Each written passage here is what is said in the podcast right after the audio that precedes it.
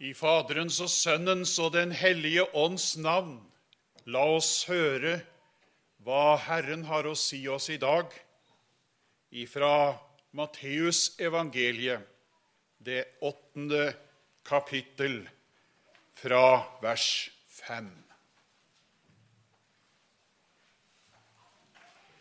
Da han kom inn i Kapernaum, kom en høvedsmann til ham ba ham og sa:" Herre, min tjener ligger verkbrudden hjemme og har store smerter.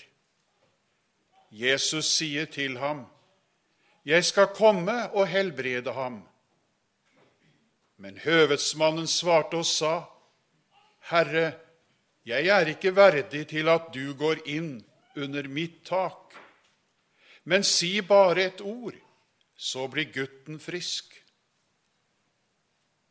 For jeg er selv en mann som står under overordnede, og jeg har soldater under meg.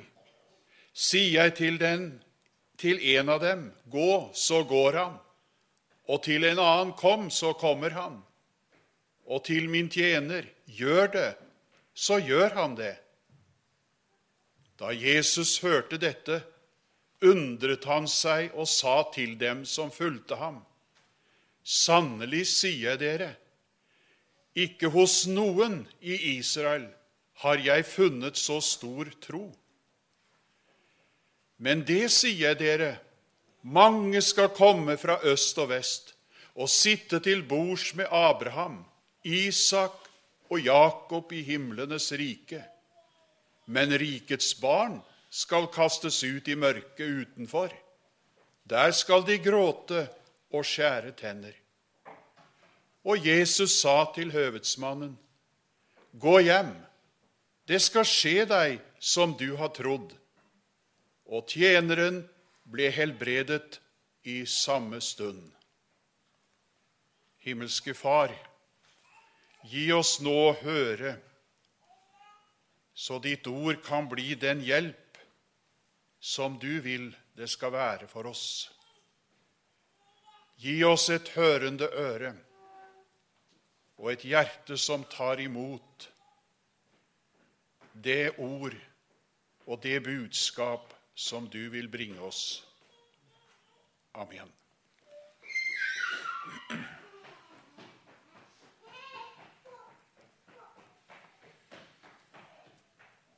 Jesus var nettopp kommet til Kapernaum i Galilea. Og Der hadde landsfyrsten Herodes Antipas plassert en av sine hjelpetropper. En tropp som besto av ca. 100 mann, ikke jøder, og som kom fra landene omkring. I det samme Jesus kommer inn i byen, blir han møtt av troppens leder, en ikke-jødisk offiser. Han er fortvilt. Hjemme ligger en av hans tjenere lam og har store smerter. Ja, døden nær, sier Lukas for han skriver om noe av det samme i kapittel 7. Denne offiseren, forklarer Lukas, han hadde et uvanlig godt skussmål blant dem han var sammen med. Han var en varm venn av jødefolket, og han hadde vært med og bygget byens synagoge også. Det forteller bl.a. Lukas. Denne ikke-jødiske offiser kommer så til Jesus og ber om hjelp. Han har sikkert hørt om Jesus, hørt om hva han har gjort. Og det har nok også da grepet ham. Ydmykt og med enkle ord legger han saken sin fram for Herren Jesus Kristus. Herre, min tjener ligger verkbrudden hjemme og har store smerter. Ordene som han sa, var i og for seg så vidt ingen direkte bønn. Det var heller en opplysning om situasjonen. Men samtidig så lå der i denne opplysningen en inderlig bønn om hjelp fra Jesus.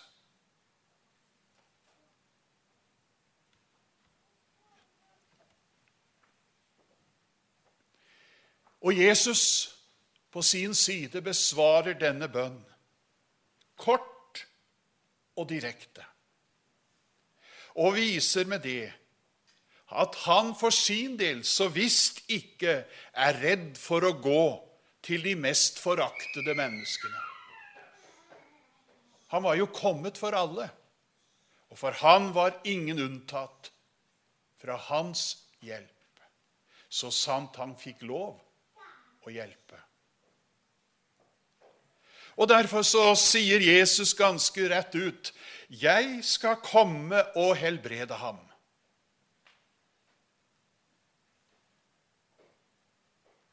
Dette får da offiseren til å reagere på denne måte. Det kom kanskje litt overraskende, jeg vet ikke. Eller så han nå muligheten for at Jesus skulle bli med han hjem? inn i huset.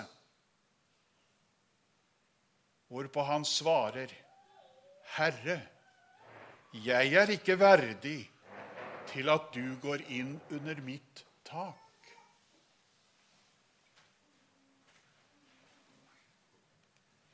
Og dette, det viser at denne offiser, han vet at, vi, at uh, hvis Jesus nå går inn i hans hus så vil han da bli seremoniell uren etter jødenes lov. For en hedning hadde jo ikke lov til å ha omgang med hedningene.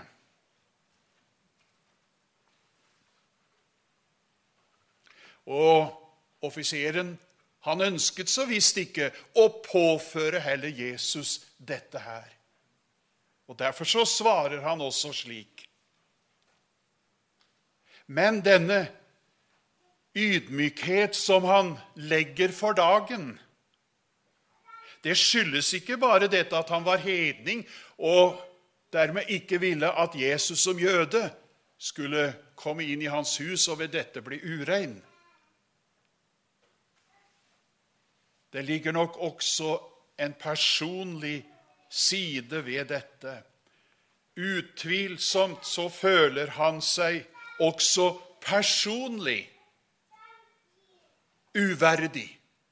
Uverdig til en så stor ære at Jesus sier dette, at han vil komme inn i hans hus. Han, denne mannen, som altså representerer Gud, at jeg skulle få han under mitt tak. Det var for mye. Det var for stort.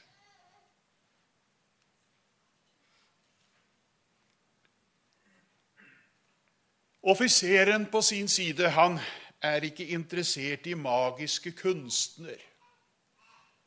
Han er ikke ute etter det. Han vet at han har med en guddommelig person å gjøre. En som kunne sende sitt ord og helbrede. Og derfor så ba han, som han gjorde, om det forløsende ord. Si bare et ord, så blir gutten frisk.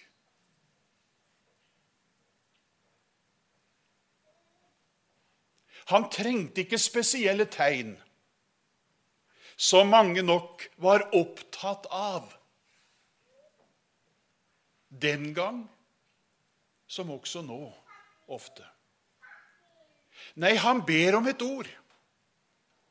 Og så begrunner han dette med et bilde fra sin egen yrkeserfaring. Som han sier For jeg er selv en mann som står under overordnede, og jeg har soldater under meg. Sier jeg til en av dem, gå, så går han. Og til en annen, kom, så kommer han. Og til min tjener, gjør det, så gjør han det. Det er som offiseren med dette vil si Hvis jeg som er en underordnet offiser, blir adlydd når jeg sier noe, hvor mye mer skal da ikke sykdommen lyde deg, du som har all makt? Slik tenkte han. Og derfor så sa han, si bare et ord.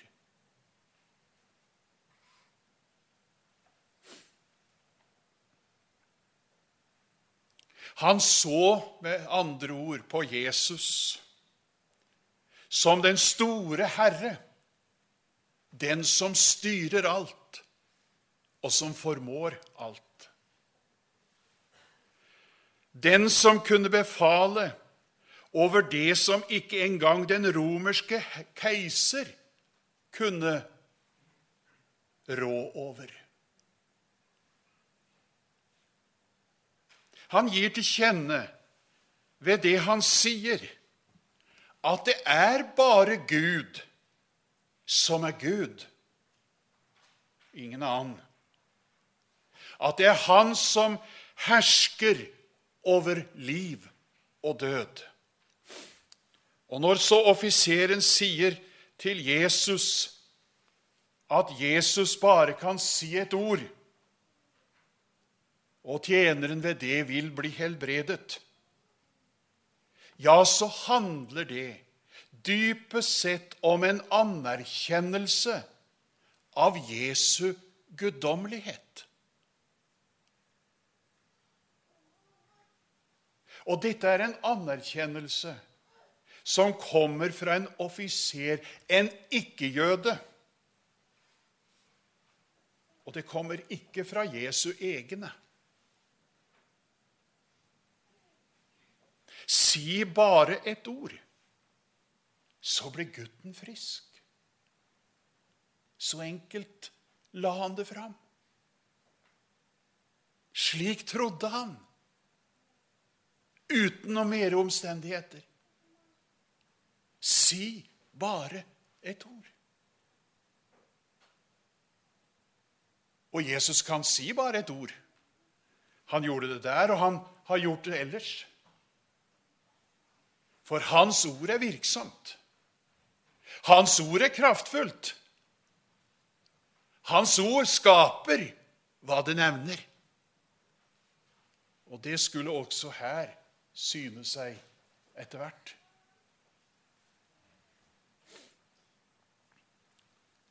Si bare et ord.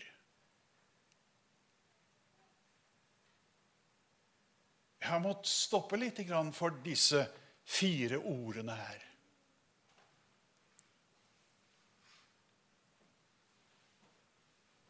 Ja, hva er det disse ordene egentlig sier? Sier meg. Jeg får ta det slik.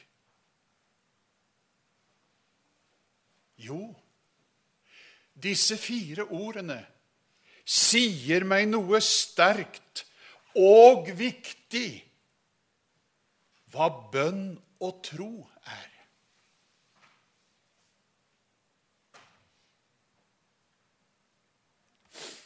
For det første i disse fire ordene opplever jeg å høre og møte en enkel enkel og tillitsfull bønn vendt til Jesus. En bønn uten de mange eller store ord, slik som jeg har så lett for å bruke. når jeg ber. Er det slik med deg òg, kanskje? Vi skal, vi skal liksom utbrodere for Herren våre ting vi legger fram for ham. Akkurat som han ikke skulle skjønne hva det egentlig dreier seg om. Dernest er det en ydmyk og kravfri bønn vi møter. Den foreskriver ikke hva Jesus skal gjøre, egentlig. Sånn. Hvordan eller hvorledes det skal skje. Jeg har så ofte lett for, jeg, eller har behov for, å foredra for Gud at sånn må du gjøre det. Du må gjøre det slik, osv. Liksom fortelle Gud og legge ut.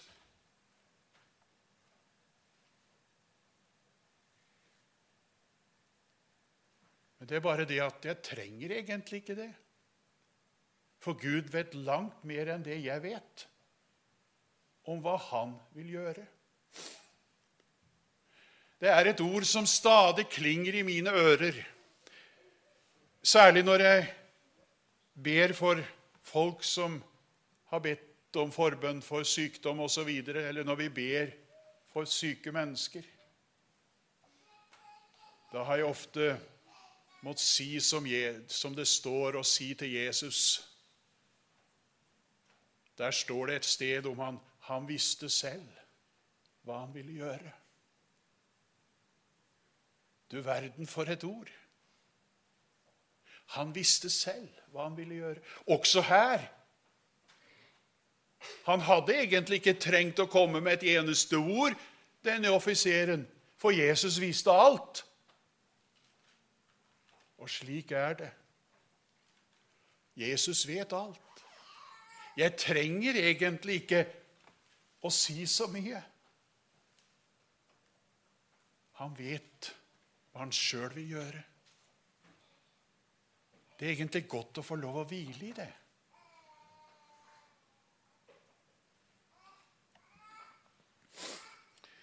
Og Dernest må vi også si at dette er en troens bønn. Og Det er fordi at han retter den mot troens opphavsmann og fullender, slik det står om Jesus i Hebreerne 12. Så trenger jeg å ta dette ordet til meg og jeg trenger og jeg kjenner på det at jeg må få be sammen med disiplene som de ba en gang. Herre, øk vår tro. Med andre ord La også meg få lov å leve i den samme tro og ha den samme tillit, slik som du viser meg her i ordet. Ja, for offiseren og det ordet han taler, viser meg en forbilledlig måte om hva stor tro er.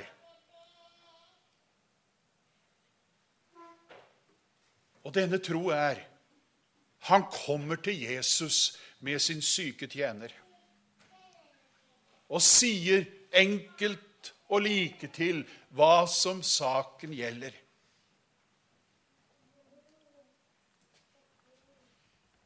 Og det skal også vi få lov til. Å bære det fram. Uten de mange ord trenger vi egentlig ikke. Vi tror det ofte, vi. Men vi trenger ikke det.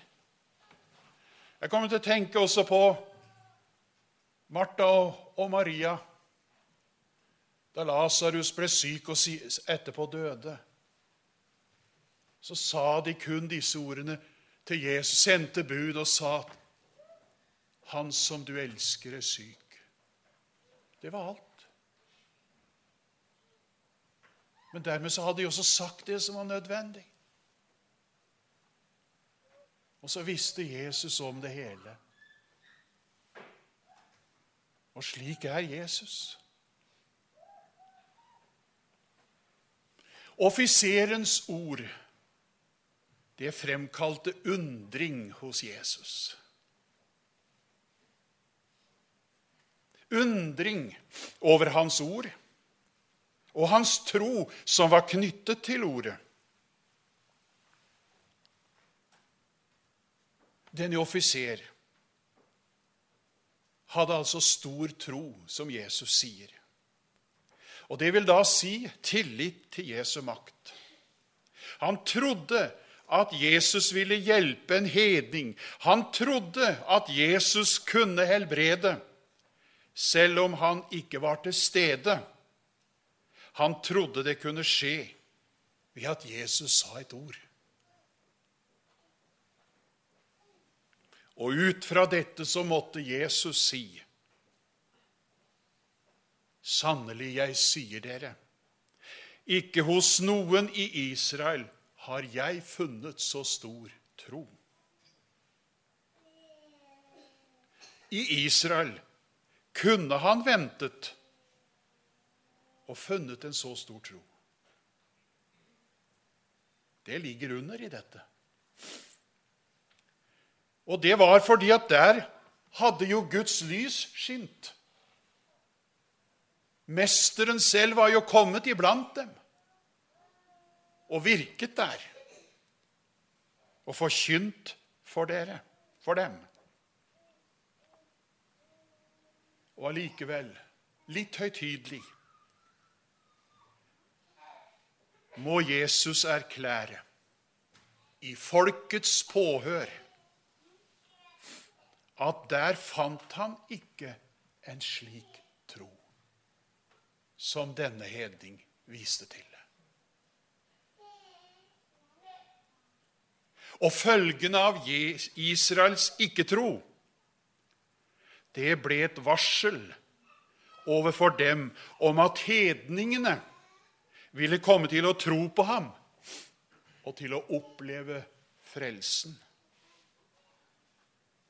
Og ved det som da Jesus sier videre i versene 11 og 12, da vender han blikket mot hedningemisjonens kommende trosvekkelser. Det er det han åpenbarer for oss når han sier Men jeg sier dere, mange skal komme fra øst og vest og sitte til bords med Abraham, Isak og Jakob i himlenes rike. Men rikets barn skal kastes ut i mørket utenfor. Der skal de gråte og skjære tenner.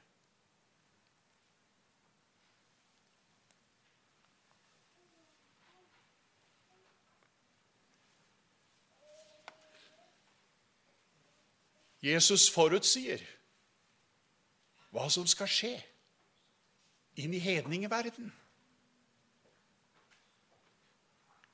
Mange skal komme fra øst og vest og sitte til bords i Guds rike. Hva er det han tenker på? Hva er det han vil Hva ligger det i dette? Jo, det er måltidet i den messianske festbanketten, i den himmelske fullendelse, som Jesus her sikter til.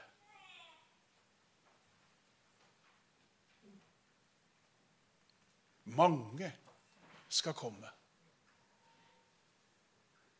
Det vil si ikke alle. Nei. Men også Innen Israel vil det være noen. Ligger det også i dette?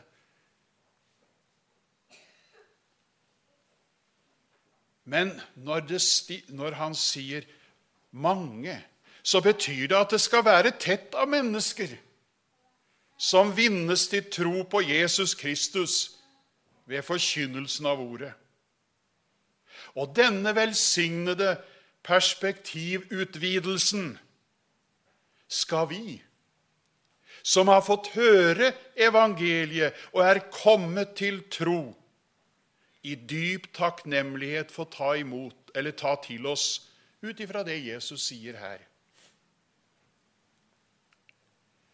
Men rikets barn, det handler altså om de av Israel som forkastet frelsen i Kristus Jesus. Det var de som først fikk løftet om riket, men som støttet det fra seg. Disse, ja, alle, som ikke tror på Jesus Kristus som Guds enbårne sønn, de skal bli kastet ut i mørket utenfor. Det eneste kriteriet for å komme innenfor, det er å tro på Jesus Kristus.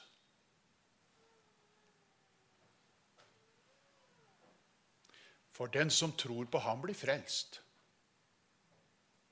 Men den som ikke tror, han skal bli fordømt.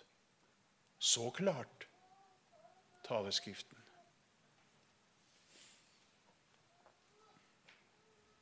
Så er det da spørsmålet til oss innenfor eller utenfor? Hva er din tro? Tror du at du tror? Eller tror du på den Herre Jesus Kristus og det Han er og har gjort? Ingen av oss kommer langt med vår egen tro på noe i oss sjøl. Det sier Skriften.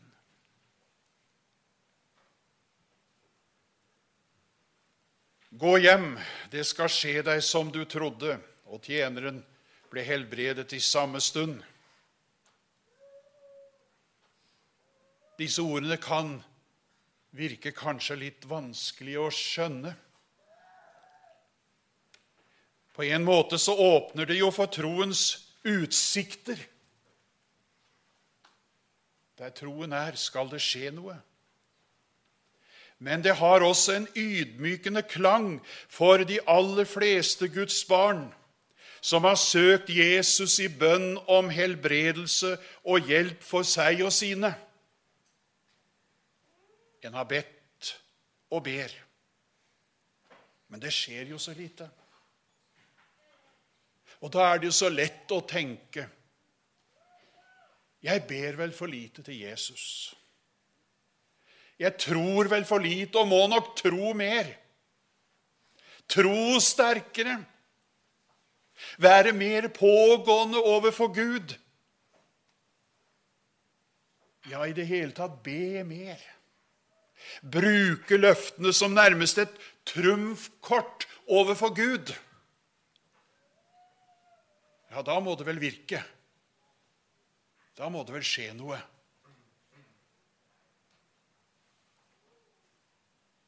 Stor tro, kjære tilhører, er ikke noe kvantitetsmessig.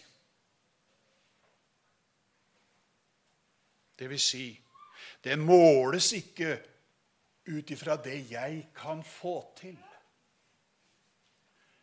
Hva mine ord bærer i seg, hva mitt engasjement måtte være hva min viljestyrke måtte settes i verk.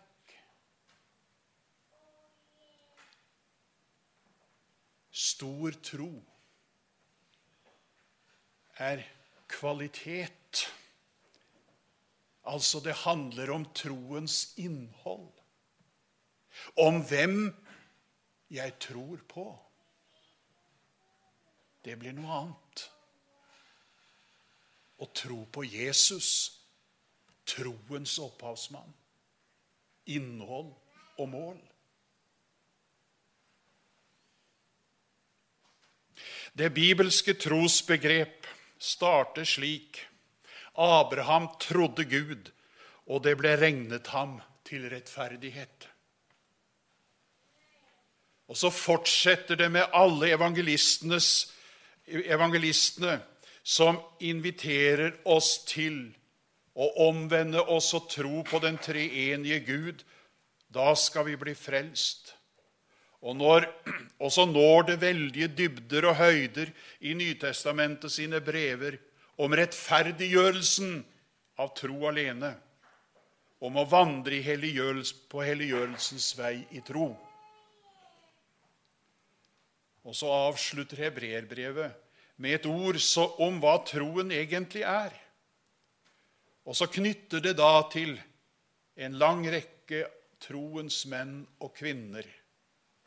I Hebreerbrevet 11, vers 1.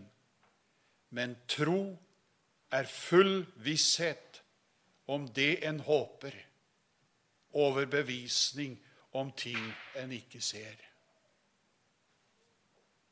Dette er så stor tro, det som offiseren viste, til et forbilde for oss som også bekjenner troen i dag. Gå hjem. Det skal skje deg som du trodde, sa Jesus, og tjeneren ble helbredet i samme stund. Jesus gikk ikke med offiseren hjem, nei. Og det var ikke nødvendig. Jesus talte det ord som offiseren ba han om, og i samme øyeblikk ble tjeneren frisk. Jesu ord viser seg å ha den kraft og makt som han har ved sin egen, slik som han har ved sin egen person. For Jesus er ordet han taler. Det er ikke noe forskjell der. Jesus er ikke én ting og ordet noe annet. Nei, det er det samme. Må også vi få nåde til å ta imot ordet som han taler. Ta imot det i tro. For da vil også vi få oppleve virkningen av det, både i våre og andre sitt liv. Si et ord. Det er Jesu ord til oss også, sagt gjennom denne offiser. Det gjelder fortsatt.